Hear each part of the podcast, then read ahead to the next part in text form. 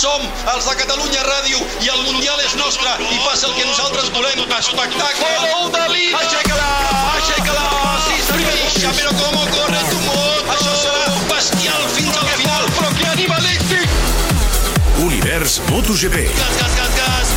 Amb Damià Aguilar. Es toquen amb Lorenzo! S'han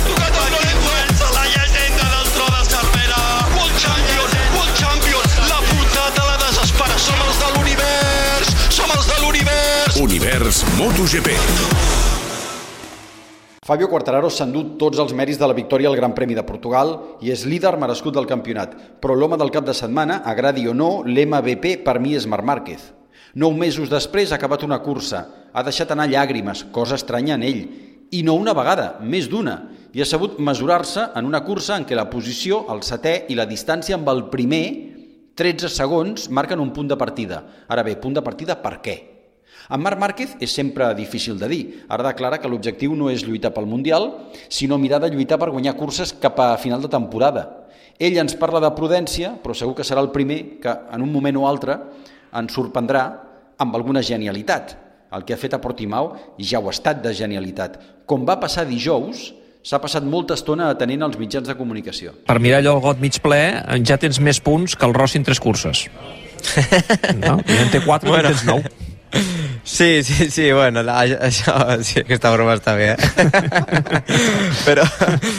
El tema està que eh, han pogut acabar setents, a, a 13 segons del líder, eh, del primer. Mm. O sigui, ja ha sigut una, una cursa més molt ràpida, eh, no ha sigut una cursa que s'ha entretingut com la de Qatar, que jo esperava que sí, però ja sabia que no. Eh, aquí tots volien tirar, sabien on, on hi havia els punts dèbils de cadascú i, i, i bueno, ha sigut una cursa ràpida que ens hem sabut defendre bé i res, a Jerez a veure si podem donar un altre passet més i oblidant-se del resultat ara, ara. Ja hi haurà temps, ojalà que hi hagi temps abans que acabi l'any de, de lluita per victòries. Univers MotoGP. Eh, he tornat després de 9 mesos, ja ha anat molt millor del que m'esperava, ja molt content per això, però necessito temps, necessito moto, necessitaria entrenaments privats, però no es poden fer, així que és la meva pretemporada. Estic fent la pretemporada, estic tornant al, al retorn a la competició. Eh, no és l'objectiu lluitar pel Mundial aquest any, sinó que l'objectiu és retornar a un nivell òptim eh, o al nivell que ho vam deixar, però durant el que resta de temporada. Podem caure en la temptació de dir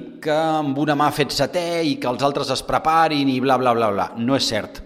El nivell és molt alt i ell no el té encara.